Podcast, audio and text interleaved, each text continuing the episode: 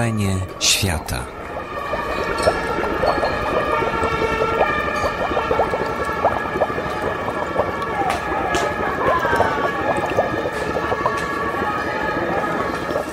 Drodzy Państwo, witam bardzo serdecznie, dobry wieczór. Zanim jeszcze powiem o charakterze dzisiejszego spotkania i e, przywitam i przedstawię gości, to tylko chciałem powiedzieć tak, że e, ci, którzy nie wiedzą, to, to ich że jesteśmy w faktycznym Domu Kultury, czyli w miejscu, e, które jest jedną z emanacji e, Fundacji Instytut Reportażu, Księgarnia Brzemię Świata, Polska Szkoła Reportażu i faktyczny, e, faktyczny Dom Kultury. To jest pierwsza informacja. Druga informacja jest taka, że ja tu mam ze sobą wino białe. I teraz chciałem tylko wyjaśnić jego rolę na moim stoliku. To nie tak, że ja jestem alkoholikiem i że potem na jakichś blogach się właśnie pojawi informacja, że pił w trakcie spotkania. Ja tylko chciałem powiedzieć, że to się y, stało z tego powodu, że marzeniem naszym, czyli Instytutu Reportażu, między innymi Wojtka Tochmana i moim jest, y, żeby y, nasi goście w trakcie spotkania autorskiego, znaczy nasza publiczność piła sobie kawę, herbatę, napoje i to wszystko jest do dostania we Wrzeniu Świata. Także następnym razem bardzo zachęcam, żeby przyjść tutaj sobie z winkiem albo z prosecco. Mamy bardzo dobre w połączeniu z aperolem. Mnie się wydaje, że jak się jest na spotkaniu autorskim i pije się winko lub kawę, to to jest zupełnie inna percepcja wtedy. No ale y, może, może się... Może się To zupełnie inna jest. Zupełnie inna. Także ja, y, ja zachęcam. Dobrze, to teraz wracam, czy wracam, teraz nawiążę do antologii reportażu 100 na 20, antologii reportażu XX wieku. Kolejne spotkanie, ale chciałem y, jeszcze Państwu donieść, bo ciągle na Facebooku, na naszej stronie, y, na stronie antologii czytelnicy różne rzeczy nam o różnych rzeczach związanych z antologią nas informują, tylko chciałem powiedzieć, że jest nowy sposób na czytanie tej antologii w łóżku lub na fotelu. Zwłaszcza tego grubszego drugiego tomu, yy, z, w którym znaleźli się nasi dzisiejsi goście. Otóż należy... Nie, w dwóch tomach się goście znaleźli. W pierwszym i w A, drugim. goście w dwóch tomach. Rzeczywiście ja muszę pójść po pierwszy tom. Wobec tego. Pan ma jakąś radę, jak czytać, tak? Coś pan mówił, jak, jak czytać? Mieć żeby to utrzymać. No to ja właśnie o podstawce. Właśnie ja chciałem powiedzieć, że jest taki nowy sposób, proszę Państwa. Trzeba mieć poduszkę z kaszy gryczanej w środku lub z, z jakiejś innej kaszy i bardzo dobrze donoszą czytelnicy. Ym, y, y, k- y, książka tym swoim właśnie grzbietem wchodzi w taką poduszkę z kaszy gryczanej lub na przykład z pestek wiśni też może być. Także ja po prostu proponuję, żeby sobie dokupić taką poduszeczkę i już czytanie jest lżejsze. E, powinniśmy sprzedawać razem z książką. E, Drodzy Państwo, e, to tyle takich informacji wstępnych, a teraz chciałem powiedzieć, że bardzo serdecznie witam na kolejnym spotkaniu wokół antologii dwoje reporterów związanych z polityką, z tygodnikiem Polityka, ale w bardzo różnych jej, w różnych jej okresach historycznych. Specjalnie dla Państwa dzisiaj tutaj opowiedzą o swoim zawodowym życiu pani Barbara Pietkiewicz,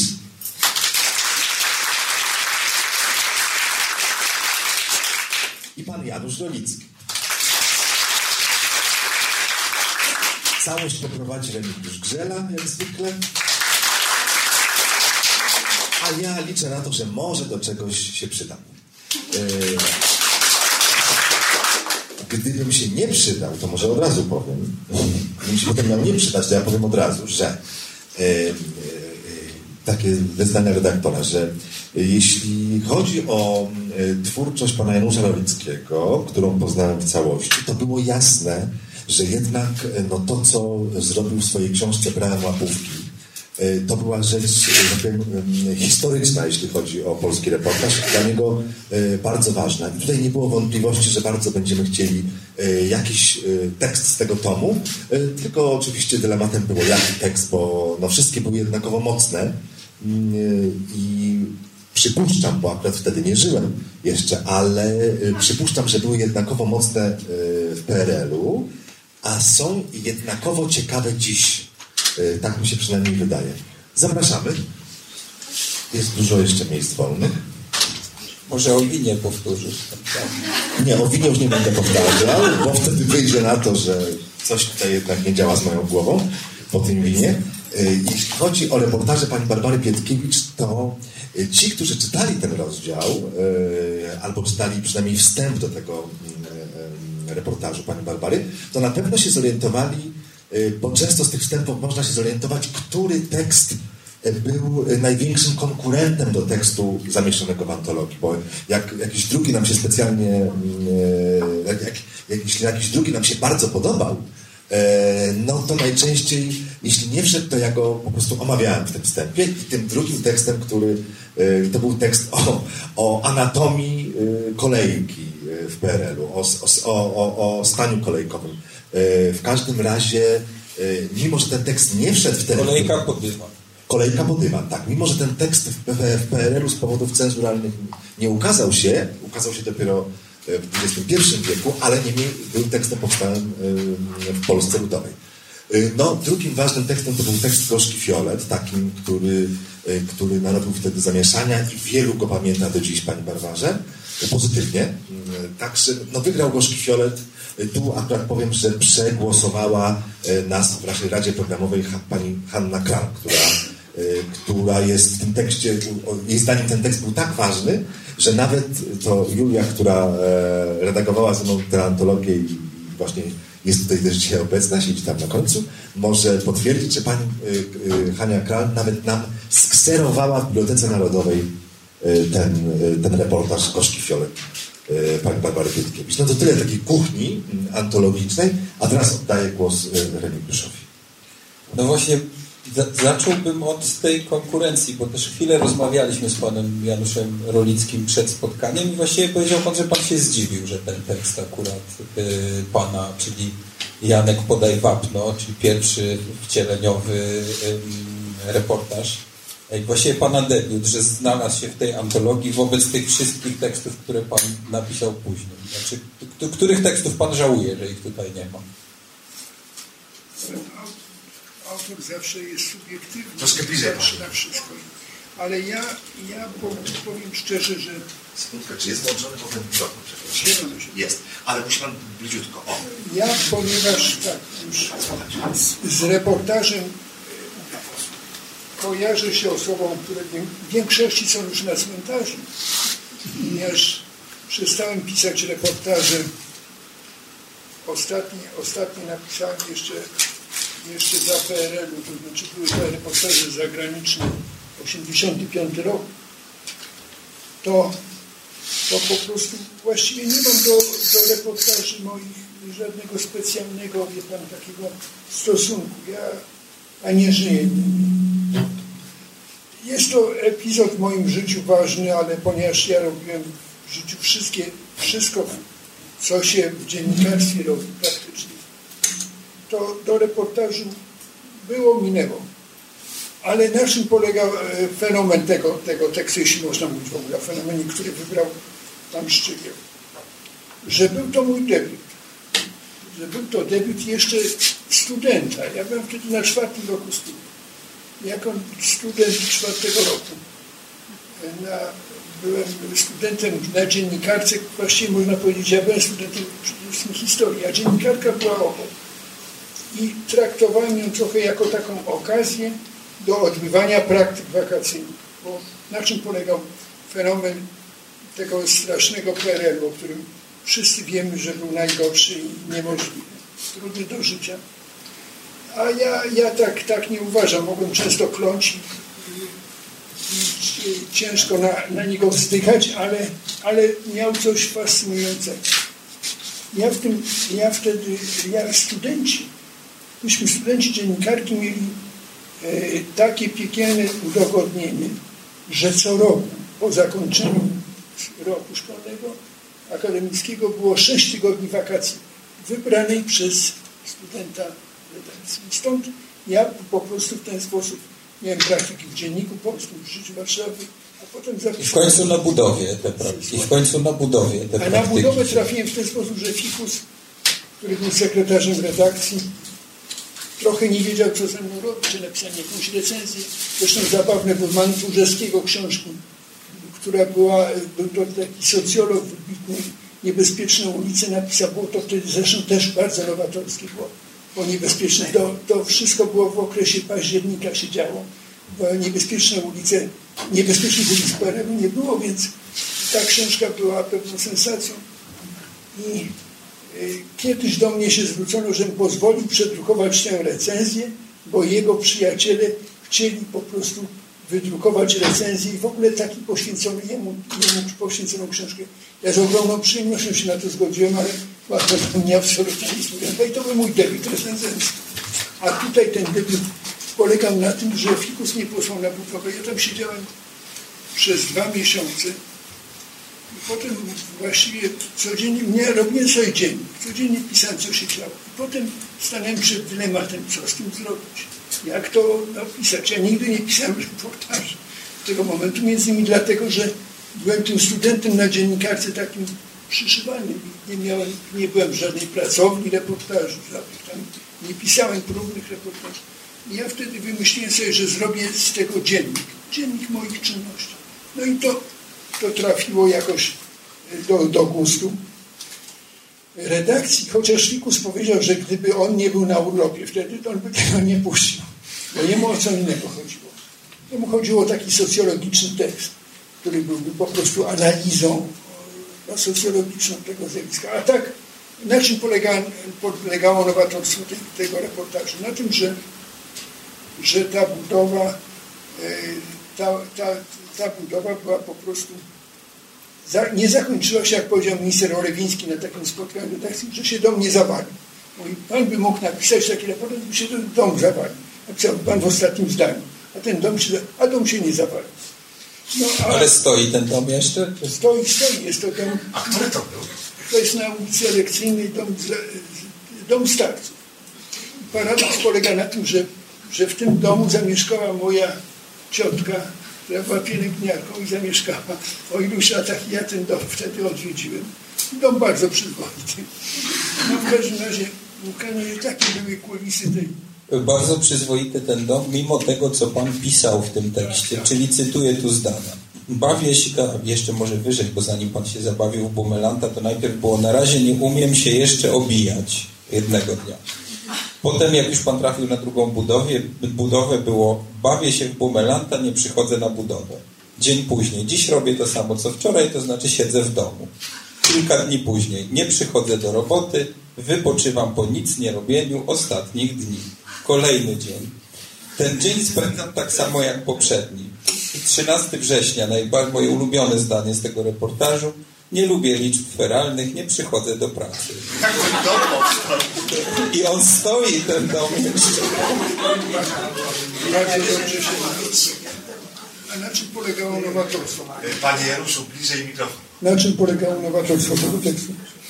Na tym, że było to jak gdyby odbrązowienie przodującego oddziału klasy robotniczej, to znaczy budowla, budowlańców. Trzeba pamiętać, że Warszawa była miastem podnoszonym z gruzów że była, była jednym rumowiskiem, które odbudowali ci, ci ludzie z różnych miasteczek mazowieckich, którzy tam przyjeżdżali, przywożeni rano tym autobusami. Stawali w domu o trzeciej, czwartej. Potem o piątej autobus ich zawoził do Warszawy, o pół do siódmej zaczynali tą, tę pracę. O szesnastej zwijali się do autobusu, byli ponownie odwożeni z powrotem.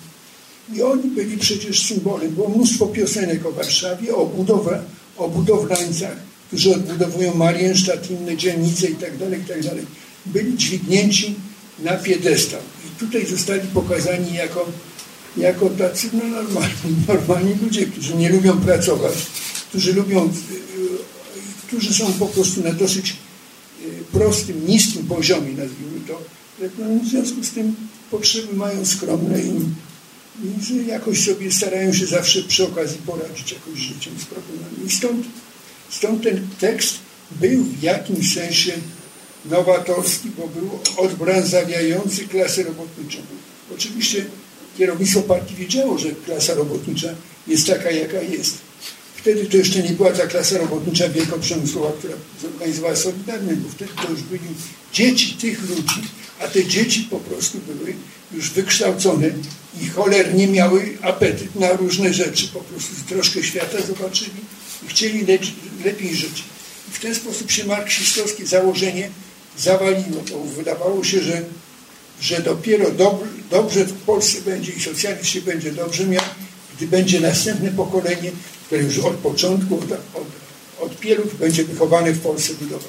No tam ci oczywiście, jako też moi równolatkowie, ja się urodziłem w 1938 roku, nie, pieluch nie nosili jeszcze PRL-u. Ja też nie nosiłem, ale okazało się, że ci, co nosili pieluchy PRL-u, to byli bardziej zdyscyplinowani, bardziej zastrachani, znali e, kulisy Wielkiej Ręby, znaczy, to znaczy tego, jak ta PRL wyglądała, z czego się wzięła, jak, jak to wszystko było łamane kołem, a ta młodzież już nie była taka, ta młodzież solidarnościowa i zachciało im się wolności i się to tym skończyło, czym się skończyło.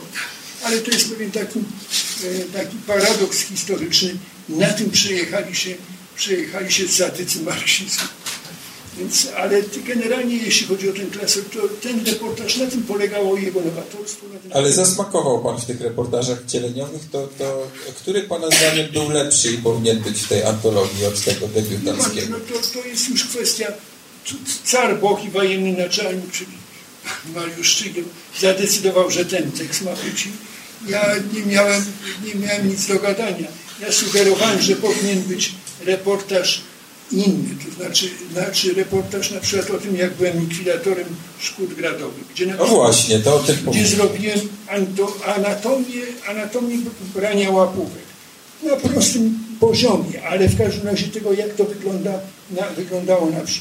Czy jak byłem likwidatorem, nie likwidatorem, tylko konwojentem bydła, bo woziłem bydło w wagonach, wagonie towarowych. Więc tamte teksty rzeczywiście były drapieżne i one dla czytelnika byłyby w jakimś sensie e, zas, zaskakujące, ale, ale pan Mariusz wybrał... Panie Januszu, przepraszam, bo bardzo nam y, pasował ten y, z budowy do tych tekstów, które mieliśmy wcześniej, właśnie takich socjalistycznych, jak budowano Muranów. I to jakby, wie, wie pan, to był rewers i awers. Nie, ja wiem, wiem, że to do, czegoś pasowało. A w, do, Zwłaszcza, że już powiedział, że zna całą twórczość. Pan powiedział, czy się zgadzam, no co ja miałem powiedzieć. Ale, ale mówię, że dla mnie on reportaż debiutancki, to znaczy coś, co napisałem, nie wiedząc jeszcze, czym jest reportaż, gdy wchodzi do takiej antologii, to jest to dosyć zaskakujące, prawda? I, i powodujące, że się człowiek zastanawia, jak to się to wszystko na, narodziło. Bo na przykład ja napisałem reportaż który pamiętam Wilhelmie. Ja się przeniosłem z polityki po 7 latach do, do kultury i wchodził film Westerplatte. Westerplatte. Do Westerplatte Różewicza. I wtedy ja postanowiłem zrobić reportaż o Westerplattczykach, a wtedy żyło ich jeszcze kilkudziesięciu.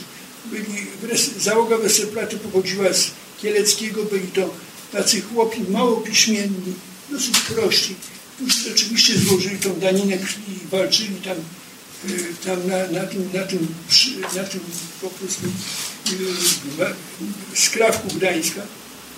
I ja ten reportaż napisałem, ale to było w okresie rozwoju moczaryzmu, w okresie rozwoju takiej fascynacji partyzantami. Pamiętam, jak mi Wilhelmi powiedział, ten twój tekst się nie ukaże, ale za to będzie miał dobrych czytelników miał pięciu czytelników, dlatego że trafił do najściślejszego biuletynu cenzury.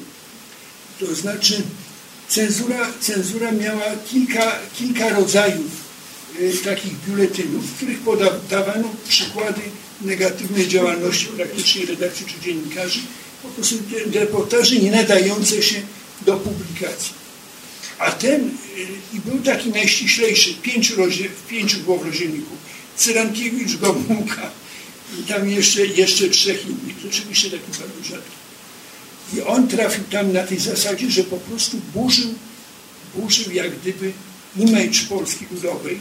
Pokazywał, że, ci, że, że ta Polska Ludowa coś jest na pakiet z tą całą, z tą całą partyzancką legendą. A na czym polegało to, to na pakiet? Że ja pokazałem los tych chłopów, chłopów którzy zostali ściągnięci ze wsi kieleckich do do Kielc na premierę. Premiera była z wieką, z duż, dużo gości ważnych było, władze lokalne, jacyś ministerstwa, etc., etc. W najlepszym kinie kieleckim. premiera polegała na tym, że, że ich rzeczywiście tam przywieźli, dali im bilety, siedzieli, obejrzeli film, po czym po filmie wszyscy sobie poszli, a oni zostali. Był, pro, projekcja skończyła się o 10, nie mieli już autobusów do swoich wiosek, tam gdzie mieszkali. I biedaszkowie zasiedlili, zasiedlili dworzec kolejowy, bo gdzie się mogli udać? Nie mieli, nie, nie było ich stać ani na, na dwór, na hotel, ani na nic innego. Nie, środków transportu nie mieli, nie odwieźli i oni spędzili, spędzili noc na dworcu kolejowym w, w Kielcach. I to właściwie można powiedzieć przesądziło o całej sprawie, że ten reporter był właśnie tak uhonorowany do tej piątki. Potem po, wkrótce potem akurat e, premiera ta odbywała się chyba w 68 albo 69 roku. Wkrótce potem przyszedł grudzień i na fali odnowy reportaż mogłem wydrukować no już nie w gazecie, ale w książce. I taka, taki był los tego. Jeśli chodzi natomiast jeszcze pan, o te moje przebieranki, to one były, one były, y, ja to wydawałem u Goldbergowej, Krystyny Goldbergowej, już dzisiaj leciwej pani, która była taką matką reportażu. Rzeczywiście trzeba przyznać, że była dla takiego młodego chłopaka jak ja, była jak, jak matka. No, prawda, nie, nie była taka strasznie leciwa, ale bardzo sympatyczna, ciepła, brała te reportaże, starała się, się je wydać, tam toczyła, bo jest cenzurą. Ja dałem pierwsze, pierwsze cztery reportaże przebierane. Miała być taka cienka książeczka, ale dla mnie było to ogromne przeżycie. I ta książeczka nie ukazała się, bo cenzura ją odrzuciła. Po prostu już ona była złożona, ale cenzura odwaliła. No i potem zaczęła się sprawa, ona była kobietą ambitną i powiedziała, że wydrukuję jeszcze raz, spróbuję jeszcze raz. I dobrze ułożyłem więcej tekstów. I to były właśnie te, brałem łapówki. Ja te brałem łapówki, jak jestem też cenzura zatrzymała, ale byli życzliwie nastawieni. Po prostu do niej, do mnie, etc. Rada w Radę wymyślili, że trzeba te reportaże uszlachetnić. To znaczy, że powinny być w nich takie ogony, które pokażą, że po publikacji każdego reportażu, jak się tam zmieniło dużo. Że władza jest dobra, Dom stoi. Władza, gdy dostaje sygnał o złych rzeczach, to władza po prostu dobrotliwa jest i poprawia. No i musiałem, w każdy reportaż musiał mieć taki ogon. Ja te ogony, te ogony napisałem. No te ogony były oczywiście... A dzisiaj pan żałuje, że pan napisał te ogony, czy że nie przytrzymał nie, tej książki w szufladzie? To jest, to jest historia. To jest historia, tu nie ma czego żałować. I te, te ogony miały po, były po takich po trzy strony, to tam było jakieś 10 tysięcy znaków, czy to. I ja to, czy, czy, czy, ja to, to dzięki temu się ukazało. Pamiętam taką sytuację już w okresie już najwyższej odnowy, to znaczy transformacji. Były takie programy w telewizji, gdzie rozmawiano z różnymi delikwentami, brano ich pod górę. No i ze mną jako taki przy, przykład komucha, który tutaj mi go, mi go. No i dawaj, wzięli tę moją książkę i te ogo, za te ogony się wzięli. Ci dziennikarze, tak było, to, się, to było 100 pytań. 100 pytań do. do. No i, i trzeba przyznać, że e, szczęśliwie sobie poradziłem, bo po prostu rzeczą najważniejszą było wtedy dla osoby o moim życiorysie nie wstydzić się tego, co się robi. Ja się, ja się do dziś niczego nie wstydzę. W związku z tym, jak ja mówiłem z otwartą przybliżą, że jak tak pisałem, owak pisałem, tutaj dobre było, tutaj było złe, to to wywołało, po prostu tworzyło pewną taką, taki pancerz, który, za, za którym byłem e, chroniony. I pamiętam, ten pancerz był najśmieszniejszy w przypadku mojego kolegi redakcyjnego Osenki, z którym kiedyś, on kiedyś sflekował pasenta jako jako takiego łobuza, który się wysługiwał czerwonym, etc., etc., polity, w polityce, nie w Gazecie Wyborczej. A ja napisałem po, polemikę z tym, broniąc Pasenta, napisałem, że byłem czerwony jak pomidor. Pamiętam, to, to, była, to była jak gdyby takie alibi. I to się czytelnikom podobało, bo czytelnicy y, czego, co lubią? No, żeby ludzie byli autentyczni. No ale żeby już za dużo nie, za, nie zanudzał. A przeczytasz fragment? Ja przeczytam, tylko może panu wymienimy mikrofon na czerwony.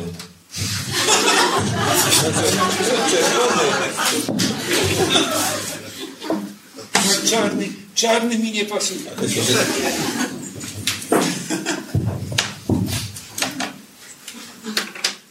Jedenasty sierpnia.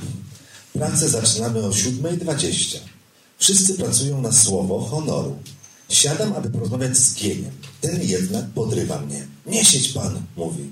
Na budowie możesz pan stać i dłubać w nosie, byleby w drugiej ręce trzymać łopatę.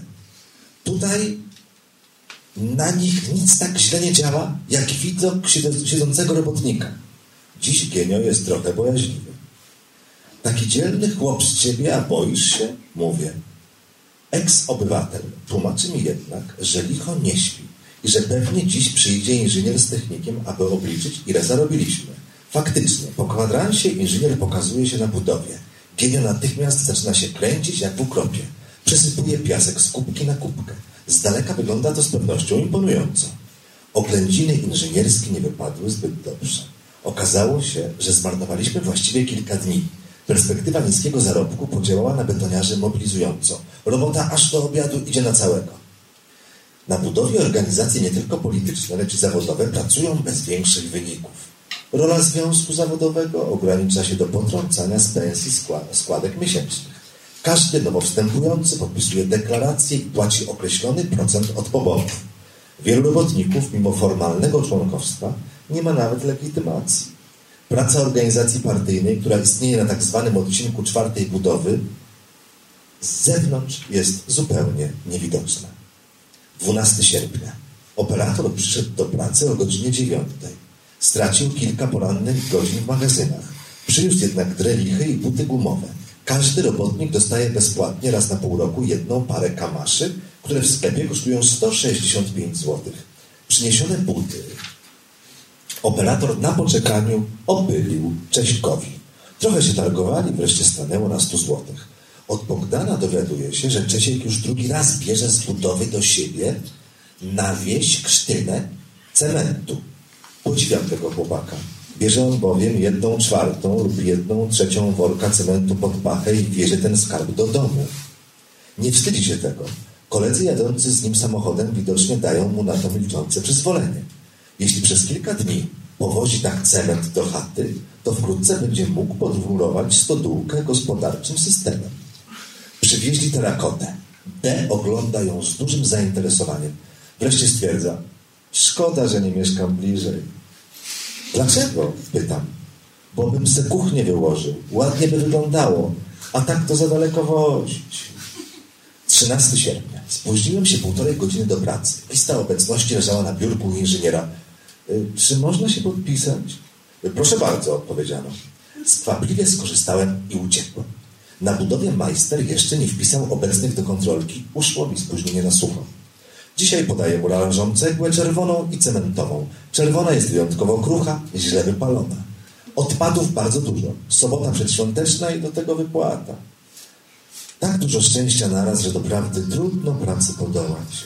Jeden z murarzy przyszedł nawet w półodświętnych ciuchach. Musi uważać, żeby ich nie brudzić.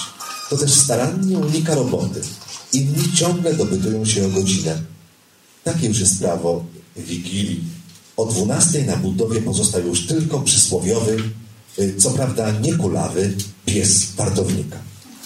No i taki dom stoi i stodółka z podbudówką i kuchnia niejedna wykafelkowana do dzisiaj, więc nie była to taka zła rzeczywistość. Się, powiedzieć, dalej już ciągnąć, że komu to przeszkadzało. komu to przeszkadzało? A, a przeszkadzało klasie robotniczej. Bo klasa robotnicza po prostu, tak zapatrzyła się lepsze, lepsze, na lepsze życie, tylko że dzisiaj już tej klasy nie ma. Właśnie chciałem powiedzieć, że czerwony mikrofon może lepszy jest. No, chciałem powiedzieć, że może lepszy jest trochę czerwony mikrofon, ale lepiej słychać. Czerwony to czerwony. Tak, tak. Ale wtedy byśmy musieli Pani Barbarze fioletowy z kolei, a nie, nie mamy. Za... O, właśnie, szkoda, że nie mamy fioletowego. Nie mamy gumki fioletowej, yy, Rafał, nie, nie mamy. No i jeszcze, wiedzą Państwo, no ja te reportaże, reportaże pisałem przez 10 lat. A potem z Ambroziewiczem, którego, którego nie ma w tym, a, a szkoda, bo on jest... Będzie w trzecim tomie. On jest, on jest po prostu yy, był bardzo dobrym reporterem. Był swego czasu nawet moim, moim przyjacielem i kiedyś ten Jurek Ambroziewicz był ode mnie starszy o 9 lat. Mówi do mnie, słuchaj, no co to będziesz całe życie reporterem, będziesz tak myślał o tekstach, między innymi o reportażach też telewizyjnych, bo ja to się też brałem. Mówi, będziesz się, będziesz tak cały czas tak jeździł i tam popychał, mówi, zrób pan tutaj, przesuń pan tutaj. Czyli po prostu, że całe życie będę takim łazikiem, który będzie gdzieś tam się w tych autobusach, w tych, tych wtedy jeszcze nie miałem samochodu, nie mogłem o marzyć i tak dalej, i tak dalej, się tak męczył. Mówi, to po co? To weź, to trzeba, prawdziwe życie się zacznie wtedy, jak będziesz kimś kierował. Jak zostaniesz jakimś tam e, szefem czegoś. No i tak rada w radę. Jak się wziąłem za, za, że tak powiem, karierę dziennikarską, to doszedłem do dyrektora generalnego e, telewizji polskiej, czyli u Szczepańskiego byłem jego e, człowiekiem od spraw kultury. Jako ten człowiek od kultury, pamiętam, dostałem drożdże. Drożdże dziennikarskie polityki to była najważniejsza nagroda, którą polityka bardzo nasowała. Przede mną tę nagrodę dostał Kieślowski, Gawik, no ważni ludzie, poważni. I tę nagrodę, ja, się, ja zacząłem jako reporter, już bywszy, ale jednak zacząłem sprawdzać, dopytywać się, skąd się to wzięło, że Rakowski mi dał tę nagrodę, bo on mnie swego czasu nie znosił, ponieważ jako pierwszy wychowanek polityki odszedłem z polityki do kultury. No i to wpadłem na, na cudowną intrygę, ale ona jest tak interesująca. Oczywiście Rakowski w, tej swoich, tych swoich memuarach tego nie zamieścił, ale ja, ja powiem na czym rzecz polegała, bo, bo jest to dosyć zabawne. Rakowski w pewnym momencie bardzo kochał jedną rzecz. Kochał, jak był popularny. Chciał być popularny, chciał być widziany tak dalej. A Szczepański go odstawił od tego cucuszka telewizyjnego i on po prostu w telewizji się nie pokazywał, a swego czasu robił taki program zagraniczny, który był, był cotygodniowy i bardzo mu to odpowiadało, zapraszał tam ważnych ludzi. No taka, taka normalka telewizyjna, jakby dzisiaj powiedzieć. I chciał w jakiś sposób dotrzeć do tego Szczepańskiego, żeby się z nim dogadać i po prostu odwojować ten, ten swój program. I przyszedł do Szczepańskiego z propozycją, że on ma taki pomysł, żeby dać te drożdże, te drożdże. To Rolicki jest, tam robi, robi reportaże, program kulturalny w telewizji, tam jest to udane i tak dalej, i tak dalej. No i tak w gruncie rzeczy na tej zasadzie dogadali się i, i rzeczywiście Rakowski przyznał mi nagrodę. Czyli dał łapówkę po prostu w jakimś sensie. Łapówkę dał po prostu w jakimś No wie pan, to, to, to można mówić korupcja polityczna, czy jaka. Czy korupcja no dzisiaj to jest trudny temat. Wszystko jedno, to, ale tak, Można medal dostać. Teraz najzabawniejsza była impreza. W polityce to bywało furię. Pół, pół zespołu y, po prostu się obraziło. Radgowski, Michał, z którym, którym się lubiłem zresztą, na znak protestu przestał, złożył legitymację zastępcy, bo uważał, że po prostu honorowanie mnie w tym wypadku jest niewłaściwe. Wolna Europa dała po prostu taki cały, cały duży tekst o tym, jak to ulubieniec Łukaszewicza został przez tego Rakowskiego nagrodzony. Akurat tak się składało, że ja tego, ten Łukaszewicz sekretarz nie znosił mnie, a ja jego ale, ale to były kulisy takiej I teraz dalsza, dalsza rzecz polega na tym, że odbywało się wręczenie tej nagrody. No to było 10 tysięcy złotych, to było bardzo przyjemne, ale do tego drożdże, paczuszka drożdży, którą nie wiedziałem co zrobić potem mi zaśmierdziała całe mieszkanie, bo nie, nie wiedziałem, że to taki, takie skutki. I teraz na czym rzecz polegała, że pół zespołu zostało, czekało na tych gości, na a nie przyszedł nikt z Komitetu Centralnego, nikt nie przyszedł z Ministerstwa Kultury, z telewizji. Byłem tylko ja, jeden sierota. I cała, cała ta intryga okazała się jednym wielkim niewypadem.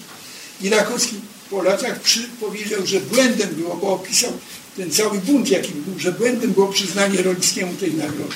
Ale to błąd, błąd nie tkwił w tym, że mnie została ta nagroda przyznana, tylko że cała ta intryga nic nie przyniosła. Mówię o tym jako, że Państwo widzieli, jak, jak złożone, złożone jest życie i jakie to są meandry, jakie są różne komplikacje. Ja muszę powiedzieć, że dzisiaj jak patrzę na to, na to swoje życie, to uważam, że e, gdybym nie, zrobił, gdybym nie zrobił tego, tego całego manewru, gdybym nie poszedł, nie poszedł w, te, w, w tę karierę, nie, nie, bo ja kierowałem ogromnym działem, tą kulturą, tą kulturą to była, to była ogromna redakcja publicystyki kulturalnej i wszystko, teatr, filmy, wszystko to mi podlegało. Każdy program, który był w telewizji emitowany, a kultura była uważana za bardzo dobrą. Ja uważam, że był to złoty czas dla kultury. To musiałem mieć moją parawkę przed tym. Taka to była centralizacja. Nawet w Poznaniu, jak ktoś robił we Wrocławiu czy w Szczecinie. I, i jak ja ten, to robiłem, to na czym rzecz polegała? Że gdybym nie poszedł do tego interesu całego, to znaczy nie został tym, tym dygnitarzem telewizyjnym, to ja nie poznał mechanizmu politycznego. Ja bym się nie poznał na polityce. Oczywiście warunkiem było moje przystąpienie, przystąpienie do Polskiej Zjednoczonej Partii Robotniczej. Do Partii Robotniczej przystąpiłem właśnie na zasadzie takiego Panie Janusz, bo my trochę odchodzimy od tematu reportaż. Ale to, to jest życie reportera. Dobrze, daj mi jeszcze y, y, zabrać głos damie, dobrze? I potem wrócimy jeszcze do, do, do życia reportera. Pani, pani Barbara Pietkiewicz, to skoro o polityce było, e, było tyle mowy, jest Pani wierna od, no naprawdę, od 78 roku pismu, w którym opublikowała Pani bardzo wiele bardzo ważnych reportaży. Właściwie wiele z tych tekstów e, też mia, miało szansę zmieniać rzeczywistość. Ale chciałbym zacząć tę naszą rozmowę od Pani drogi do, drogi Pani do reportażu. Jakich ról Pani nie zaśpiewała, Pani Barbara? No, mam chrypę, ale to jest chrypa wynikła z uszkodzenia krtani, a nie z tego, że mam chore gardło na anginę czy, czy, czy mam grypę. Ja miałam w życiu dwie obsesje, a pod koniec życia ja jestem rok młodsza od pana Janusza, czyli mam lat 75. Ja jeszcze nieskończony rzecz. Także, że biegam jako 75 lat. Słychać? O, teraz. Ja to miałam dwie obsesje, znaczy miałam jedną w życiu obsesję, znaczy to jest śpiew. Ja pochodzę z głębokiej wsi, tam gdzie jest, tam gdzie się urodził i uczył ksiądz Popiełuszko i tam również do, tej samej, do tego samego wiejskiego liceum chodziłam. I z każdej klasy co najmniej pięciu chłopców szło do seminarium, co najmniej dwie dziewczyny szły do, do zakonu. I tak latami. Ale pani nie, przez głowę nie przeszedł zakon. Nie, no ja przyjechałam do Warszawy na psychologię, chociaż nie bardzo wiedziałam, co ta psychologia jest. Poszłam na psychologię i po chyba piątym wykładzie ją znienawidziłam śmiertelnie. I dlatego pisze Pani reportaże psychologiczne.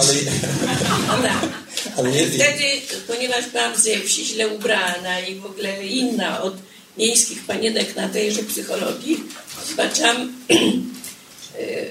afisz, który zapraszał ludzi do chóru. Pomyślałam sobie, może tam jakoś mi będzie weselej. Poszłam do tego chóru. Ten dyrygent mnie przesłuchał i powiedział, pani ma wielki głos. No dobrze, do wyższej szkoły muzycznej. Ja bym ale ja nie umiem nuty napisać. To gdzie ja do szkoły muzycznej? Nauczy się pani, on powiedział. No, to ja poszłam na egzamin. Przychodzę na egzamin. Stanęłam przy fortepianie, nadęłam się, jak nie ryknę, miałam bardzo mocny głos. Ci od razu pomalo nie uchlupli i mówi, co pani tak wyje? No to ja, hej, przeleciał ptaszek, cieniutko wysoko. Mówi, ale kurczę, ona ma rozpiętość głosu od basu do sopranu. No i ja zostałam w tej szkole. Ale sopran, tak? Sytuacji nie. Alt z koloraturą. Alt z koloraturą. Tak, taka jak, to jest taki głos jak Ewy Podleś. Ale miałam głos podobno od niej. Znaczy, mówiono, że od 30 lat nie było takiego głosu w szkole.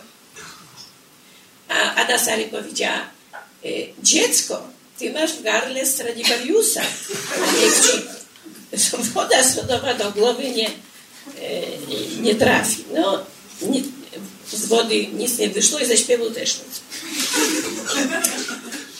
W tamtym czasie ja miałam chorobę psychiczną na punkcie tego śpiewu. To była tak niesamowita obsesja i takie opętanie, że prawdopodobnie nigdy przedtem tego, raczej nigdy przedtem tego nie miałam i już nigdy nie będę miała. Myślę, że na narkotyk, no, nie wiem, więcej niż narkotyk. W dodatku nie było można tego brać. No właśnie. W każdym razie źle się to skończyło. Ten śpiew, już miałam podpisany kontrakt z operą poznańską, wyznaczone role. E, I później poszłam do pracy po skończeniu tej głupiej psychologii, przepraszam. Cały czas mówi autorka reportaży psychologicznych. Tak jest. E, I po, I po skończeniu oczywiście śpiewu. Ale, ale proszę sobie uważać, że ja siedziałam na zajęciach. Psychologii nie rzuciłam, bo musiałam mieć akademik nakińskiego. Tylko z tego powodu. Na wszystkich wykładach psychologii rozwiązywałam zadania z garmonii. Byłam potwornym kujonem i wszystko zdawałam na piątki, bo się uczyłam od rana do nocy. I w końcu posadzili mnie w ławce, znaczy w klasie, gdzie byli ludzie, którzy skończyli średnie szkoły muzyczne. I, i, i pisali na tablicy pięciogłosowe fugi Bacha, a ja nie umiałam zaśpiewać blaskotek na płotek, za, na tablicy napisać. Nie umiałam klucza narysować. W ciągu, poza tym okazało się, że mam marny słuch. Ja miałam tylko ten niezwykły głos. Głos, i, a głos absolutny, ale bez słuchu. Fatalny. E, dykcja fatalna. Aktor, zdolności aktorskie zerowe. Po prostu nic. To jest, jak się zostaje reporterem? Słuchajcie, w ciągu trzech, kator, w ciągu czterech lat absolutnie katorżniczej, katorżniczej pracy ja zaczęłam się, nauczyłam się czytać, ponieważ nie miałam fortepianu. I na Kickiego uczyłam się grać na fortepianie w nocy, nakryta kocem, żeby inni nie słyszeli. A ćwiczyłam w piwnicy, gdzie było zimno i pełno szczurów. I po czterech latach nauczyłam się śpiewać, nauczyłam się śpiewać z nutawista, czyli bez przegrywania, tylko patrząc w nuty, uczyłam się kolejnych No, skończyło się to fatalnie. Ja dostałam zapaści, zaczęło mi się krężenie, no, tragedia dzika. Przez pięć lat i po dwóch latach, kiedy się okazało, że już nic mego śpiewu nie będzie, postanowiłam pójść, aha, pracowałam już wtedy w straży pożarnej jako tłumaczka. Nic nie mówiłam przez trzy lata. No, ale jak można tłumaczyć nie mówiąc? Pisma pisałam o, o gaśnicach, o proszkach z francuskiego i z rosyjskiego na polski i z polskiego na... Bo ja jestem, y, znaczy mam korzenie rosyjskie, dlatego mam taki akcent trochę. A męża miałam Francuza i tych, i, i tych języków się nauczyłam po prostu w sposób naturalny. Łącznie z gaśnicą. Tak, no gaśnicach się znałam świetnie, na proszkach, na akcjach bojowych świetnie. I któregoś dnia zabrali mnie jako osobę towarzyszącą y, y, straży pożarnej z Francji na taki statek na Mazury. Jeden z strażaków, bo tam było 120 mężczyzn, trzy kobiety, w tym jedna garbata. A ja byłam bardzo młodą dziewczyną, nie taką masz paskudną jak teraz. I jeden z tych oficerów włożył mi rękę pod spódnicę. To był wysoką ranką i ja się odwinęłam i trzasnęłam mu w twarz. Na drugi dzień dostałam naganę. Później na drugi, z kolejne, na kolejny dzień, znaczy kolejnego dnia przyniosłam e, prośbę, że natychmiast proszę mnie zwolnić w trybie nagłym, a to był w resorcie MSW, ten, ten, ta straż, Komenda Główna Straży Pożarnej, więc było trudno się zwolnić, a powiedziałam, że po prostu do pracy nie przyjdę. I pomyślałam... Nie jest Pani odnotowana. Prawdopodobnie. I powiedziałam, i postanowiłam zostać dziennikarką. Coś mi się w nocy przyśniło dziennikarza. No i idę na test. Poszłam do studia dziennikarskiego. Już Ale jak to się przyśniło? Muszę się zatrzymać, Pani Barbara. No, to przyśniło, przyśniło się, że, że nagle ja... z psychologii Straży Pożarnej śpiewał do, dzien, do dziennikarstwa. To ja miałam życie niesłychanie skomplikowane, bo miałam dzikie pomysły na życie. I ten dziki pomysł, to ja po prostu mi się naprawdę przyśniło, że ja siedzę w redakcji. Nigdy w życiu nie miałam żadnej redakcji, a mi się wydawało, że redakcja to są stoły, maszyny do pisania, pełno ludzi, gwartu, biegają. Te, I mi się to spodobało i ja postanowiłam zostać dziennikarką. I jako la, osoba 30-letnia przyszłam do studia dziennikarskiego e, i przyszłam na egzamin i się spóźniłam i nie chcieli mi spóźnić się. Stoję na korytarzu i chcę płakać. I podchodzi do mnie jeden pan i mówi, nie, nie może pani wejść. A ja trzymam w ręku, w ręku dowód osobisty, bo trzeba było pokazać. On spojrzał na ten dowód, mówi, pani urodziła się w Lidzie. Ja mówię, tak. On mówi, ja też w Lidzie. Proszę, ja panią wprowadzę. tak zostałam dziennikarką. Tak zostałam dziennikarką. Później... Tak? Później poszłam do sztandaru młodych gdzie pragnęłam pisać felieton. E, I e, teksty takie publicystyczne. Wszystkie teksty publicystyczne i felietony lądowały w koszu i ten standard młody nie wiedział, co ze mną zrobić. I któregoś dnia spotkałam na ulicy, ja już wtedy miałam mieszkanie, w wieku lat 30, 30 już miałam mieszkanie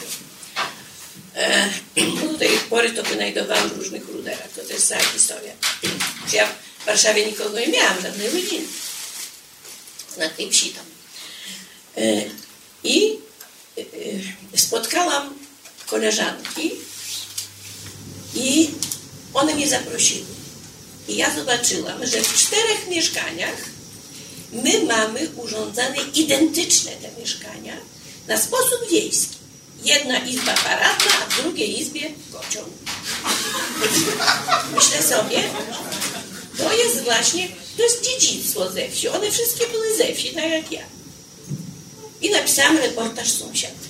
Zaniosłam do, e, do ówczesnego naczelnego i on, nie, to był w sztandarze, i on powiedział, o, narodziła się gwiazda, pamiętam jak dziś. Nie wiedziałam o co mu chodzi, co prawda, ale przyjęłam do wiadomości. W sztandarze młodych byłam par, e, trzy lata, o dwa lata za dużo. Tam się nauczyłam pisać porządnie i któregoś dnia e, e, ten redaktor, poszłam do redaktora e, tego naczelnego naszego, powiedziałam, że ja nie mogę chodzić do drukarni, drukarni jest ołów, a ja mam uszkodzone gwiazd, e, gardło. Ona mówi, a on powiedział, co prawda gwiazdą nie jesteś, a do drukarni chodzić musisz. I ja na drugi dzień napisałam zwolnienie, że nie przyjdę już więcej w to miejsce. I wtedy Piotr Adamczewski... Mniej więcej tak jak pan na tę budowę nie chodził. Piotr Adamczewski, który był wtedy w kulisach sekretarzem i dobrze się znaliśmy, ja do Piotra zadzwoniłam, Piotr powiedział, jesteś przyjęta, na drugi dzień przyjdź. Ale szefem wtedy był Soluba. Ten był trochę człowiek tchórzliwy moim zdaniem.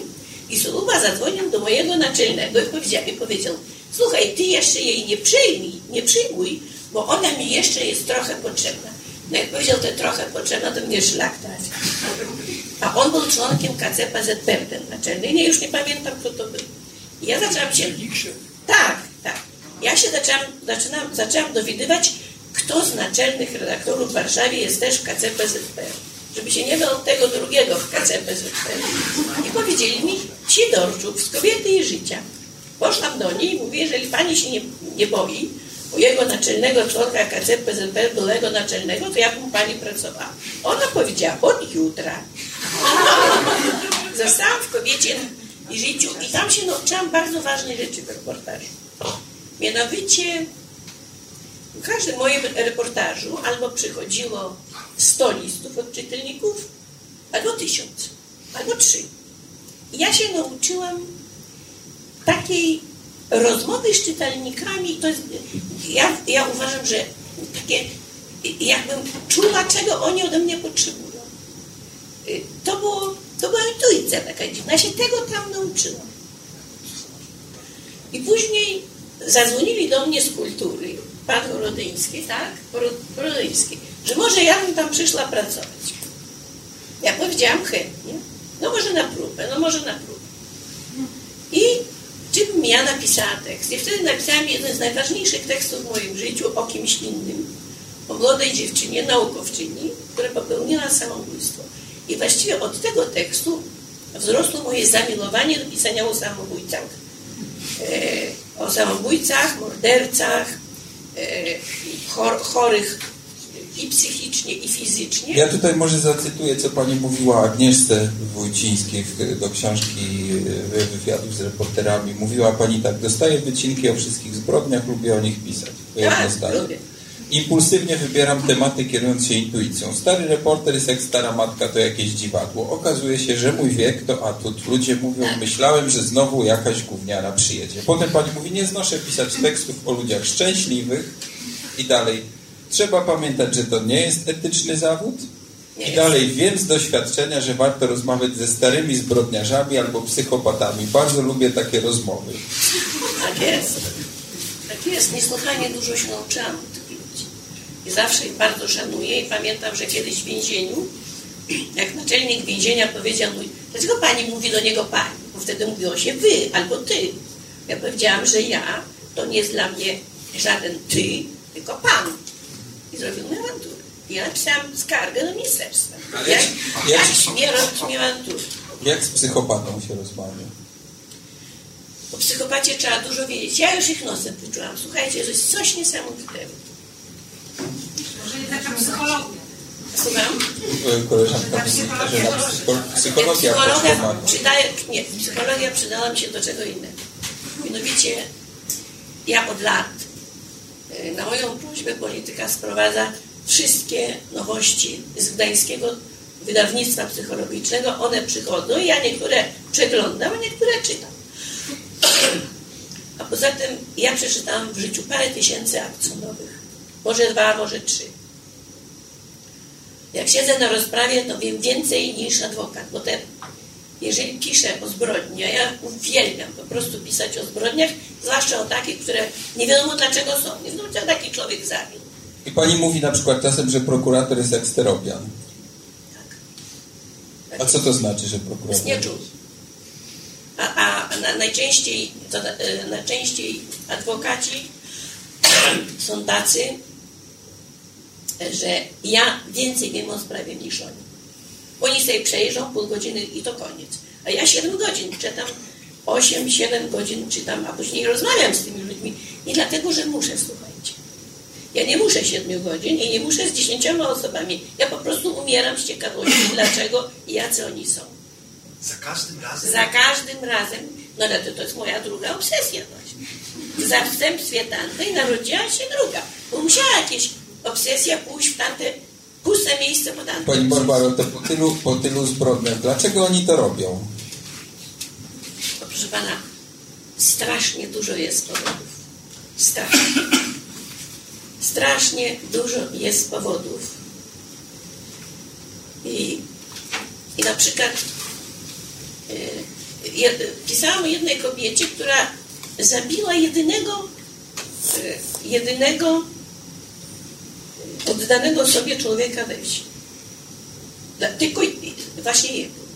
Miała straszne życie, ona się na nim zemściła. Prokurator ani sędziowie, śledczy nie znają takich pytań. W tych kategoriach w ogóle nie rozumieją. Ich interesuje co, kiedy, jak, dlaczego. A wszystkie niuanse to ja. Ja wiele osób wypuściłam z więzienia.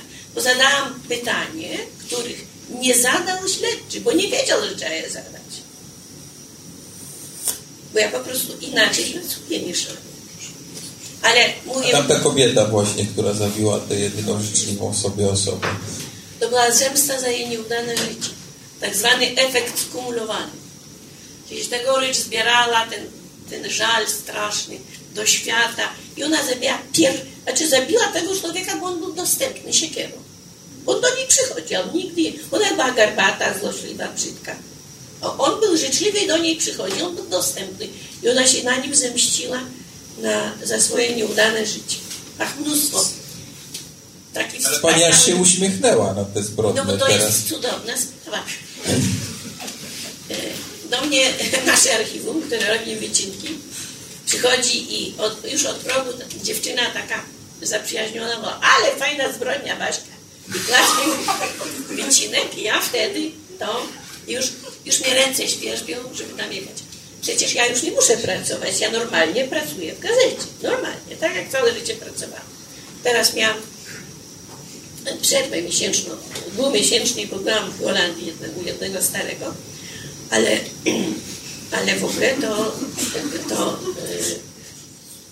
To Pani Barbaro, te Holandię No zostawmy, a e, jakby Panią zapytał e, ja, jako dziennikarz adept, jak rozmawiać z psychopatą, to co by mi Pani poradziła? No nie rozmawiałem z psychopatą chyba jeszcze, albo się nie ujawnił. psychopatą, no wie pan, bardzo wielu z tych oskarżonych, skazanych w więzieniu to są psychopaci. Oni się rodzą z defektem mózgu. Najmłodszym psychopatą, z którym rozmawiałam, był ośmiu- ośmioletni Emilek z, z tego, Zełku, nie Zełku, Zełku, tak. On zabijał kobiety, ośmioletnie dziecko. Nie. Tak, tak. Bardzo to lubił. I, i, I ponieważ on zabił chyba cztery czy pięć kobiet, to polityka, ten, so, policja szukała mordercy. Nikomu to było... pytanie jest, jak zabijał? No zaraz powiem. On brał, on brał e, scyzoryk i ciemną nocą uciekał z pokoju przez okno na parterze i celował scyzorykiem w kręgosłup kobiety. I idealnie celował. Przerywał jej kręg, krąg tym scyzorykiem. O, ona upadała, umierała. I zabił tam kilka kobiet, ale potem chciał poznać, jak to się pali żywy człowiek. Związał kolegę na działkach i go podpalił. I wtedy wpadł, bo ktoś przechodził przez te działki i to było w dzień. No i on później powiedział, że on nie tylko tego człowieka przypali, ale jeszcze pięć zabił. No, to to jest najmłodszy psychopat. Ale Pani z nim rozmawiała, tak? Z. Tak, ja rozmawiałam. Yy, psychopaci mają dość drętwy sposób rozmowy. No będzie ośmioletni mi na razie wystarczy, to jak miał rozmawiać. Z a- matką, z ojcem, z bratem, z sąsiadami, z sędzią, z prokuratorem, wszystkimi. Z tego tworzy się taki obraz wspaniały. No i wtedy dopiero ja się czuję napełniona. No to jest taki moment, ja łażę, łażę, łażę i się w pewnym momencie czuję napełniona. Że ja już najadłam się tego tematu i mogę pisać. I siadam, musi być ciemno, z jednej strony biały papier, z drugiej zadrukowany czarny długopis. I piszę. I to jest szczęście. A śmiał się pani? Czy śnią się Śmiał Pani się te, pani ci te, bohaterowie? Nie, nie nie, zbrodnie, bo mnie czy oni ciekawi. Ja mam do nich, dlaczego ja potrafię pisać o dzieciach strasznie ciężko chorych na raka. O, tam napisałam o strasznych rzeczach. E, Był taki przypadek, że był sztorm na e, Mazurach. Ja nie mogłam jechać. Posłali wybitnie uzdolnioną koleżankę z mojej redakcji, którą zresztą ja do redakcji sama sprowadziłam, Edytę Gietkę. Ona pojechała na ten sztorm, żeby napisać o wypadkach. I przywiozła jaki materiał o żeglowaniu po Mazurach. Mówi, słuchaj, leżał trup w czarnej folii, nad nim stała zatrafana matka. No jak ja mogłam do niej podejść? Dziewczyno, no właśnie do niej trzeba było podejść. Bo ja już wiem z doświadczenia, że takiej osoby Ale trzeba... najpierw Pani powiedziała, że wybitnie zdolna, a potem, że nie podeszła. No nie podeszła, bo ona nie potrafiła podejść. No, a ja nie jestem wybitnie zdolna, potrafię. Bo ty pani z doświadczenia, że trzeba podejść od, od razu, tak? Od razu. Bo najpierw człowiek w strasznym takim dostaje obuchem w głowę, jest w stuporze. Nie, Pani mówiła, że trzeciego dnia po śmierci A trzeba to, to jest do, do, do, do tygodnia. Bo jak się podejdzie po tygodniu, już ta baba wypędzi, ta kobieta wypędzi y, i ma rację. Zada. Więc trzeba wejść w stuporze. Tego to nie jest zawód e, reporter nie jest zawodem stuprocentowy. Ja wiele krzywd zrobiłam e, swoim tekstem. Nie, ale pani na przykład wchodzi i mówi pani, jak strasznie mnie boli głowa, Tak. czy ma pani się jakiś Tak środek jest, ja czuję po prostu trik. Przychodzę i mówię, wie pani co, puśćcie mnie pani kochana. Tak, mnie boli głowa. Wie pani, ja jestem z gazety, ale tu tak się pętam, wie pani. Pani puści mnie. Ale, ale to trzeba wyczuć. To, to, to taka fala jest. Że do takiej się mówi o głowie, a do innej się mówi o czym innym. I, i mnie się nie zda raz, że mnie nie, nie wpuszczono. Ja. Yy, to była tragiczna historia zupełnie. To, to, nie, nie, nie mogę o tym mówić, bo to jest właśnie yy, yy, ta sprawa, o której ja zrobiłam krzywdę człowiekowi. Wielkie trzy krzywdy zrobiłam w życiu swoim bohaterom. Napisałam parę tysięcy reportaży, więc to jest coś. No może parę, dwa, trzy na pewno. Bo w policji to ostatnio za 10 lat odpuścili ze 400. No. A ja przecież pracuję w 52 lata. A pani się boi? Tak, jak pani, no, mówi pani, że się nie śmią te zbrodnie, czy Nie, nie śmiej się, bo mnie to ciekawi. Ale jak pani jedzie tam na miejsce i są różne miejscowości, w których ludzie mataczą coś, nie chcą, prawda? Czy nie ten sprawca jest ujęty, tylko sprawca jest na wolności, a pani chodzi węszy No i. A to wspaniałe, właśnie to jest adrenalina na węszy. No tak. Ale słuchajcie, jeżeli ja wchodzę do takiej kobiety biednej, która straciła dziecko, albo coś się strasznego stało, poczucie winy i ja chcę to odrobić. Każda kobieta, ja nie, na- napisałam niedawno tekst o rodzicach samobójców. Co czują rodzice, których dzieci się powiesiły albo otruły. To jest najgorsza rzecz dla rodziców. Śmierć samobójcza dziecka nie ma gorszej. Ja tych rodziców od groma poznałam przecież. Wchodzę do takiej matki i co ja próbuję? Zdjąć z niej winę. Bo ona naładowana siedzi tą winą, po prostu odciekać. No, bo gdybym to... Wina, straszna wina. Ja przez dwie godziny, ja nie muszę u niej dwie godziny siedzieć. Mogę 45 minut, ale wszystko o tym wiem. Ale ja siedzę dwie godziny, bo chcę jej pomóc. I jeżeli ona na końcu mi mówi, o Boże, jak to dobrze, że Pani do mnie przyszła, to ja wiem, że to prawda nazwał z butami w jej tragiczne życie, ale coś siebie jej dało. Coś w niej zdjęło. I ja widzę, jak ta baba siedzi taka, i tak to pnieje, to pnieje, to pnieje. I ja ją muszę w czasie tego przekonać, że to nie jest jej wina. I najczęściej to jest doświadczenie, rutyna. Ja mam bardzo dobrą intuicję, to prawda. Intuicję polega na tym, że ja to umiem robić. I robię. Pani Barbaro, to pora na audiobooka. Mariusz Szygieł przeczyta fragment pani reportażu Gorzki Fiolet, bo legendarny tekst. To taki fragmencik czwarty. Antoni Esz osiągnął był niegdyś sukces erotyczny z kobietą. I jest to dla niego źródłem szczególnej satysfakcji. Bo choć świat kobiet nie interesuje go w najmniejszym stopniu, to jednak odchodząc zeń miał złudzenie wyboru, a nie wygnania. Tylko raj spod sztancy, powiada Antoni, może być szczęśliwy bez wysiłku. Każdy inny wymaga niesłychanej pracy, aby go dla siebie stosownie zagospodarować. W przewidywaniu tych trudów człowiek czepia się rozpaczliwie normy, szuka, jak Antoni Esz, pomocy kobiety.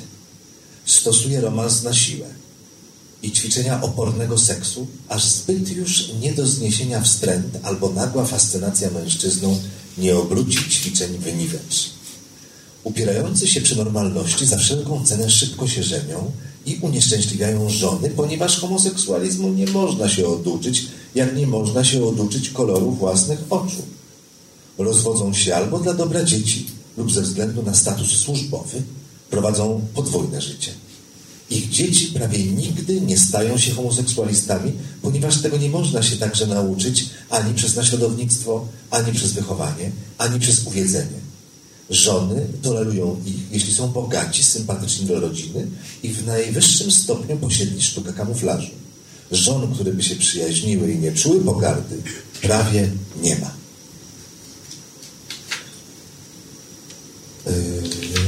Już, już, już, ścieżka druga. Tak, ścieżka druga. Poczekajcie, bo było i mi się... Yy, W ogóle tego nie pamiętam. Ale tam, no jak to? Ja muszę powiedzieć, że e, Powiedzmy, że to jest drugi, drugi reportaż w prasie powojennej polskiej na temat homoseksualizmu. Znaczy tamten, drugi tekst. tamten tak, pierwszy tekst. nie był reportażem, ale też jest bardzo ciekawe, Państwo zauważyli, tu jest słów, których dzisiaj się już nie używa, ale ja myślę, że i wtedy się też nie używało, tylko Pani Barbara ma taką tendencję do przyciągania bardzo ciekawych, dobrze brzmiących, akuratnych słów. Jeszcze Bo jeden pani. Barbara ma wykształcenie muzyczne. A, no właśnie. Nie, nie, to naprawdę, naprawdę, to jest, uważam, decydujące. A jest druga ścieżka? Tak.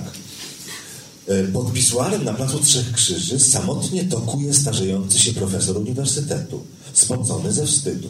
Jest po raz pierwszy na ulicznym szlaku i nie umie urządzić się w mniej pokażający sposób. Zadzwonić do pana Józia, pana Henia, sympatycznych pośredników i poprosić o sprowadzenie chłopca. Jest to uczucie głębokie starszego mężczyzny do młodszego, uczucie Dawida do Jonatana, uczucie, które jest podstawą filozofii platońskiej, które odnajduje się w sonetach Michała Anioła i Szekspira. To uczucie piękne, wzniosłe, najszlachetniejsze, nie ma w nim nic przeciwnego naturze. Jest ono intelektualne i zdarza się zawsze, ilekroć starszy jest obdarzony intelektem, a młodszy posiada jeszcze radość życia. Świat nie rozumie tego, pisał Oscar Wilde. Młodszy jest zwykle uczeń szkoły średniej albo student, obdarzony, y, cóż to szkodzi, intelektem. Student przychodzi raczej za dobry stół z alkoholem, za ulgi w egzaminach. Uczeń pragnie zarobić kieszonkowe. Nie pochodzi z nizin, przeciwnie, zna się na dobrach swego stanu. Chce mieć porządny magnetofon stereo, płyty, taśmy, sztruksy, pójść do kawiarni z dziewczyną. Kawiarnie teraz drogie, a rodzice nie zawsze zasobni. Pozostaje jeszcze sprawa samopoczucia. Wszystko można jednak w sposób przyjazny dla siebie zinterpretować. Tak więc chodzenie do jednego lub paru starszych panów nie jest prostytucją, ponieważ nie jest to zawód. Zawód jest uczeń. We Wrocławiu cała klasa zarobiła sobie w ten sposób na bal maturalny. Starsi panowie też umieścili się w sprzyjającej konwencji. To nie jest płatna miłość, lecz wypłacanie kieszonkowego. Płatną miłość otrzymuje się od prostytutek, a to są jakby wychowankowie. Siostrzeńcy, miłośnicy z Platona. Miłośnicy naciągają ich poza taksą. A to chcą na zbitą szybę, a to na skrobankę dla dziewczyny i trzeba płacić, jeśli się nie chce stracić miłośnika. Pani Barbaro, od razu muszę zapytać, czy pani na ten pisuar poszła, bo to cały, jednak miałem tylko to pytanie w głowie. Po, po, Tam jest teraz bar wietnamski i tam się jeden. po lekturze tego reportażu, bo pani opisuje, bo ten reportaż jest tak skonstruowany, że jakby jest tam e, no, trochę historia opowiedziana, e, e, trochę o literaturze się mówi, o e, znanych homoseksualistach i o tych bohaterach, o których pani pisze, bohaterach tego tekstu. Ale nagle jest ta scena, że, że Od tego się z tym profesorem nad pisuarem. Tak, ja go poznałam. Proszę bliżej mikrofon. Ja go poznałam. W ogóle z tym tekstem była dziwna sprawa, słuchajcie, dlatego że Nie, ale pani poszła do tego szaletu. nie, ja tam stałam i prostu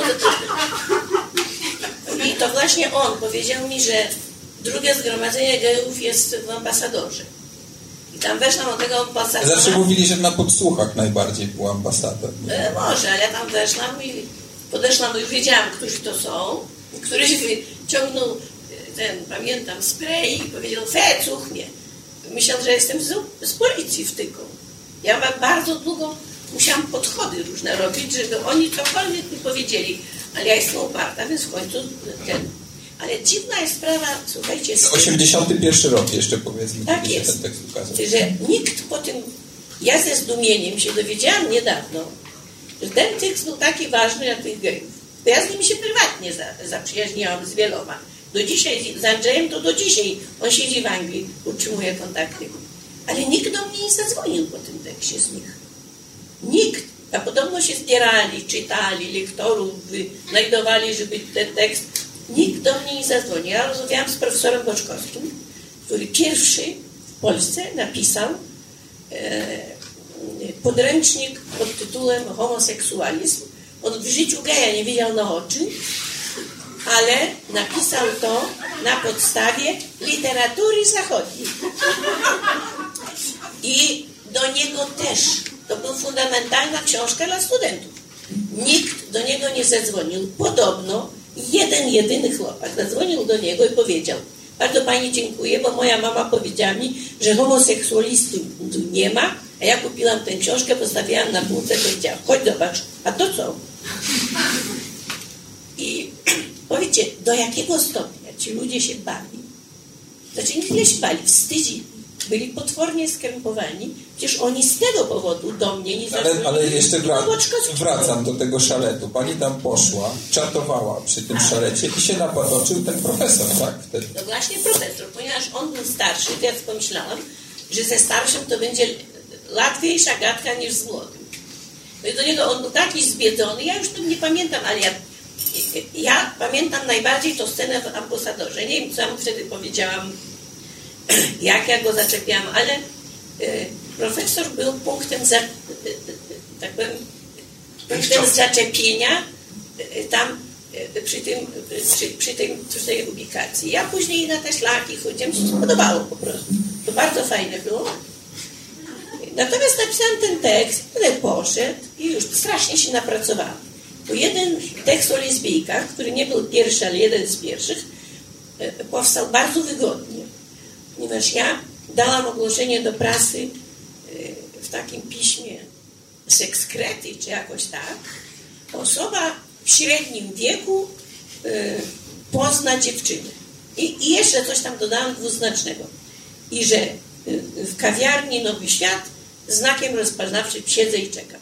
Tylko, tylko powiem tutaj, że jak rozmawialiśmy z Kasią Surmę-Domańską przedwczoraj, ona też, która dała takie ogłoszenie do seksretów właśnie, Tak, widać, to jest pismo z doświadczeniem Tak dla dziennikarzy. E, Ale Kasia napisała, e, szukając bohaterów, że jestem dziennikarką, która pracuje nad ja tekstem i szuka. No Ja nie znacznie, a pani dwuznacznie napisała znak rozpoznawczy. Tak, oraz nie, nie napisałam. Mężczyzn, znaczy zaczęły y, przychodzić dziewczyny, kręciły się, tak już widziałam, że to ta przychodziła, siadała i ja wtedy mówiłam, że ja jestem dziennikarką, no, całe przemówienie, że bardzo proszę, że ten... Jedna tylko wstała, powiedziała, kurwa, rzuciła czymś o ten i wyszła. Wszystkie inne rozmawiały ze mną godzinami i one pier... powiedziały mi, Pani jest Pani pierwszą osobą w życiu, której ja wszystko to opowiedziałam. To była ogromna, wspaniała... Pamiętam jak gdzieś ja mówię, słuchaj, ale Romeo i Julia to jest facet. To jest... Ja rozumiem, ale dwie kobiety, że tak się kochały, to mi się wydaje jakieś nienaturalne. Ona powiedziała, a współżyć z kozlem to Pani by mogła? Ja powiedziałam, no nie, z kozlem to bym nie mogła. No, Widzi Pani, to ja tak samo z mężczyzną nie mogę. Jak mój mąż do mnie przychodzi, to ja liczę do stu albo biorę środki uspokajające i czekam, o Matko Boska, kiedy ta tortura się skończy. Ja mówię, to co z za żona? O, bardzo dobrze ona mówi. Ja jestem świetną żoną. Ja się staram mężowi wynagrodzić. On mnie bardzo kocha. Ja sobie pomyślałam, będę dla niego miską na spermę. I będę dla niego świetnie gotowała i będę dobrą matką. No ale ten seks, no trudno jakoś zniosę. Bardzo bym nieszczęśliwy. Ale to się siedziałam, przychodziły, było bardzo przyjemnie. A z klejami się strasznie na, na, nalaziłam, okropnie. Żeby, żeby jakoś spuentować, to może byśmy do pieniędzy doszli. Jestem cały czas w temacie, w temacie tej antologii, bo zajrzałeś panu Januszowi Rolickiemu do kieszeni we wstępie do tego reportażu. Dlaczego? Że... No to tak, ty pisałeś te wstępy. Ja, ja, ja. ja, ja. Że ich było 100, więc mi chwilę, muszę sobie nastawić ten program. E, że pan Janusz bardzo wzbogacił się na początku lat 90. Był chyba najbogatszym polskim dziennikarzem e, na książce o Gierku. Tak, bo nie powiedzieliśmy, że to właśnie pierwszy wywiad rzeka. Pierwszy wywiad rzeka, od tego się zaczęła moda na wywiady rzeki w Polsce. Dziwne, dlaczego Ale- takich książek nie było wczoraj. Nie mówię, że z Gierkiem czy z politykami, ale tych wywiadów rzek nie było w PRL. Ale poza tym też była historia tej książki taka, że właśnie dwie drukarnie drukowały jakieś dwie konkurencyjne, prawda, książki dla siebie. A pan Janusz reklamówce z milionami i w jednej reklamówce miał tyle milionów, że Willa mógł za to kupić. I tak szedł normalnie nowym To światem. jak film sensacyjny ta, ta, ta, ta Pani książka. Gierka? No kurczę. To rzeczywiście właśnie to, ten ten wywiad rzekę, zresztą to były dwa wywiady. Replika potem, druga była. Pierwsza miała milion nakładu, druga 300 tysięcy. Znaczy milion, milion sprzedanych. I to były takie numery, że myśmy, jak pojechałem do Piwy, gdzie drukowany był razem z Wórskim żyjącym, drukowana była książka, to pierwsze 100, pierwsze 100, pierwsze 100 tysięcy, to wtedy mm, Solidarność Miejscowa zwróciła się z prośbą, żeby czy, do, nie do mnie, ale do Górskiego, czy pozwoliłby im wydrukować 50 tysięcy, żeby oni sobie to sprzedali. Po prostu dla nich, na, na wzmocnienie organizacji. No i oczywiście zgodziliśmy się i te 50 tysięcy oni wydrukowali. Ale były przecież też mnóstwo powielanych było książek. To było, to było czyste, czyste rzeczywiście szaleństwo. A jak to się stało, że ta replika, czyli ten drugi tom, właściwie zaczyna się od tego, że Gierek panu wytyka, że różne rzeczy przy autoryzacji z książki tej pierwszej e, z przerwanej dekady wykreślił, a one i tak znalazły się w druku. Znaczy pan nie, nie jest za autoryzacją? Nie, nie, nie. Ja autoryzowałem, tylko wie pan, na przykład Gierek był straszliwie ostrożny. W pewnym momencie się bardzo przestraszył konsekwencji tej książki. I on na przykład powiedział mi o tym, że gdy wrócił z Krymu, było takie, było biuro polityczne to pierwsze. Kowalczyk wtedy powiedział, że nie ma się co obawiać, bo tam w tym Gdańsku to na czele strajku jest nasz człowiek. Chodziło o Wałęsę. I Gierek to powiedział, a potem się przestraszył, że to powiedział. I mówi, ale niech pan tego koniecznie nie pisze. No ale ja, ja nie byłbym sobą, gdybym mnie nie wziął. To był dla mnie jak taki skwarek. Więc oczywiście ten, te, o tym napisałem, tylko wymyśliłem taką formułę, że Gierek mówi, wie pan, jaki głupi był Kowalczyk, że on powiedział, że Wałęsa jest, jest, był, jest, był agentem ich. No i, ale przecież to bzdura. No ja w tym kształcie to dałem. Po czym na zasadzie uderz stół, nożyce się odezwał, odezwał się Wałęsa. On wtedy wydał książkę też. Droga nadziei. Drogę nadziei.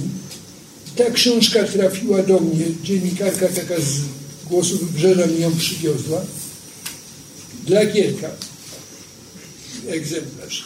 Z dedykacją. Dla Gierka miał trzy strony dedykacji Wałęsy, gdzie Wałęsa zareagował na to jedno zdanie. Tamte dwa zdania.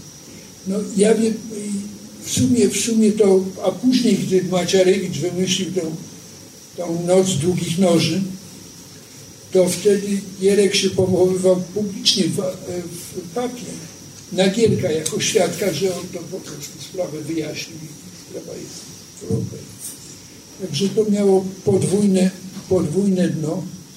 A, tak ja, a ja powiem tak na marginesie na, na ten temat, że choćby Wałęsa był nie wiem kim, rzeczywiście zawodowym agentem i tak dalej, to jego zasługi w obaleniu systemu są tak wielkie, że bzdurą jest po prostu mu wypominać to, to bzdurą jest, bzdurą jest mu to e, na ten temat pisać, mówić i budować całe, całe po prostu wręcz strategie. Przypisywać pewne błędy, pewne błędy późniejszego prezydenta tej, temu faktowi. Oczywiście on no, dopadli go, tak jak bardzo wielu ludzi walczących z systemem.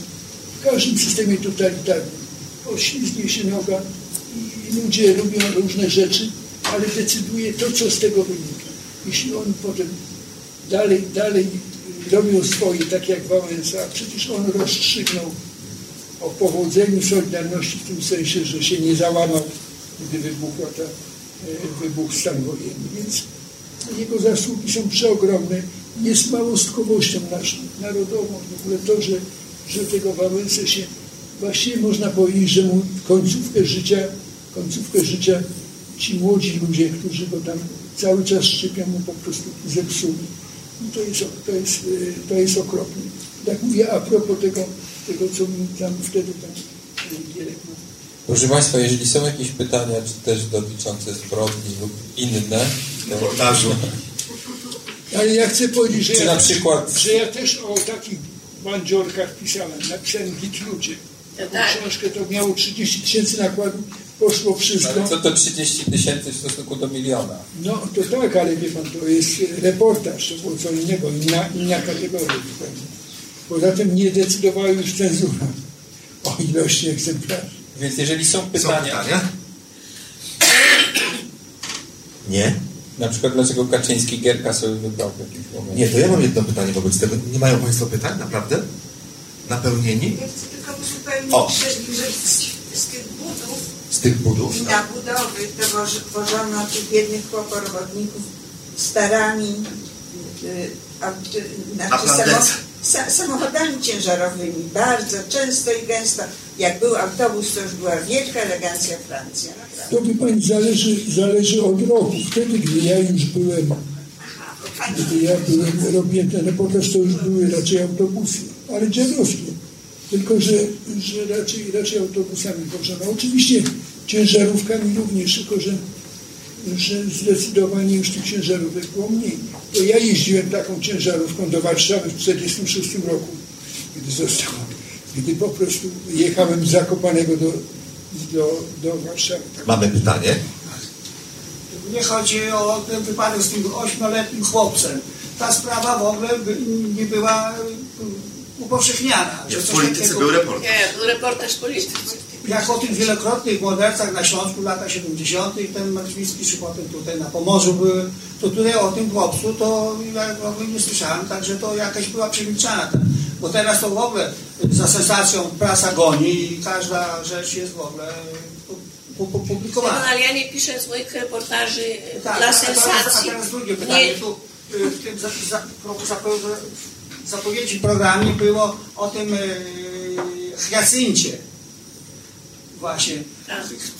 Po co to władza robiła to kartotekę? Po to, żeby ich szantażować i, i dzielić na społeczeństwo właśnie, czy po to, żeby ci nieszczęśni homoseksualiści byli znowu obronieni przed innymi e, szantażystami? Bo w tym czasie to była ta, ta wielka sprawa taka e, z Jerzym na Śląskim, gdzie tam było i morderstwo, i kradzieży, i wszystko, i w końcu nie wiadomo, kto kogo zabił, i dlaczego zabił, i tam to było za- zapomniane. Teraz nawet z tym mecenasem, senatorem Pisiewiczem też jest taka e, sprawa nieczysta. Także tutaj właściwie ta, te, te nasze władze policyjne, bo właściwie homoseksualizm w Polsce nie był karany. W przeciwieństwie na przykład jak w XIX jeszcze wieku w Wielkiej Brytanii karano więzieniem tam intelektualistów, poetów i, i w ogóle. A u nas to tak właściwie ten, nasza jurysdykcja to zawsze działa na rozkaz. Także jeżeli wie się, że coś jest, ale jak nie ma rozkazu, to się tego nie, nie likwiduje, czy się w ogóle tym nie zajmuje. okiacji. Tak? O akcję Piast. O, o akcję. To jest Akcja Gatent polega, e, była zrobiona po to, żeby po pierwsze środowisko zastraszyć.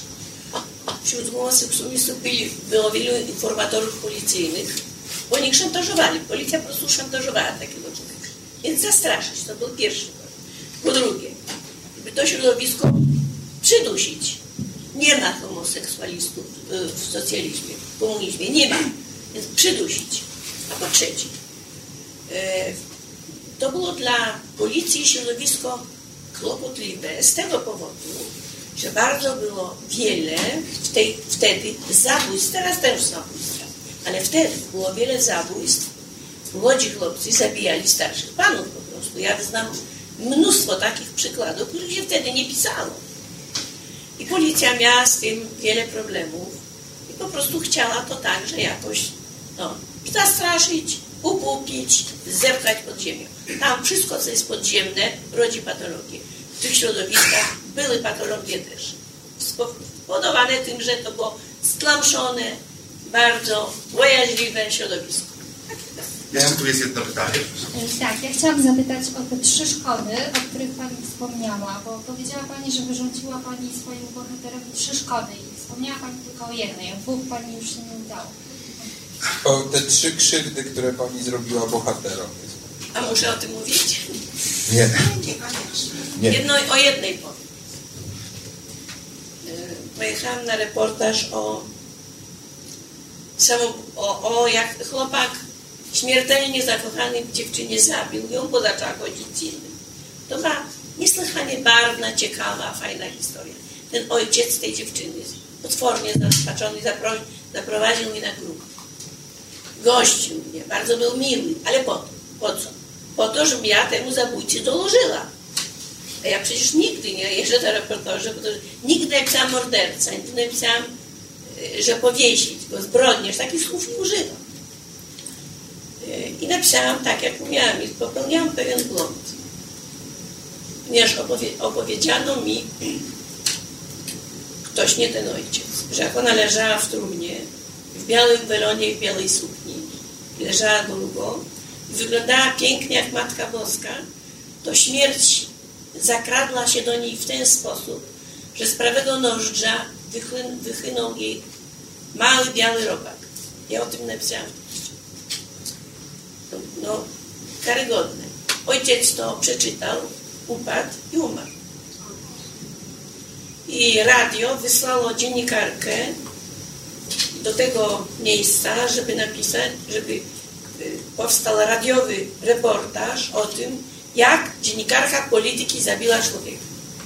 Ale prawdopodobnie on był w ogóle w stanie y, z powodu śmierci córki, y, w złym stanie psychicznym. Był w złym stanie psychicznym, ale niewątpliwie, ja nie wiem, czy, ja, czy ten tekst był, był powodem, czy nie. On umarł po lekturze mojego reportażu z tym robaczkiem. To już dwóch tych powodów od Wami pytamy, no, żeby zmienić, zmienić temat i zakończyć, spuentować do Mariusza Szczygła, redaktora antologii. Mam pytanie do Państwu. Zachęcamy, żebyście Aha. kupili. Patrzę na to zdjęcie dlaczego ta antologia jako science fiction tak bardzo jest tylko Stanisław Lem na tej Ale to nie moje zdjęcie, to nie jest moja biblioteka. Stanisław Lem, Skąd Stanisław Lem, Cyberiada Stanisław Lem. Z Facebooka antologii mamy to, ktoś z czytelników wstawił. No, czy... Bo tak dzisiaj temat tak spotkania jest Polska ja, bez fikcji, ja więc... proszę Państwa, ja spuentuję. Polska bez fikcji. Koło, czek, koło jakiego autora rzeczywiście koło science fiction, ale no nie, nie koło zwyczajnego science fiction, tylko koło Stanisława Lema. A jest to najczęściej przekładany polski pisarz na świecie. W związku z tym e, to zdjęcie sugeruje, że są dwie rzeczy w polskiej literaturze, e, które są warte rozgłosu. Lem i polski reportaż. O i to niech będzie najlepsza puenta naszego spotkania. Dziękuję bardzo.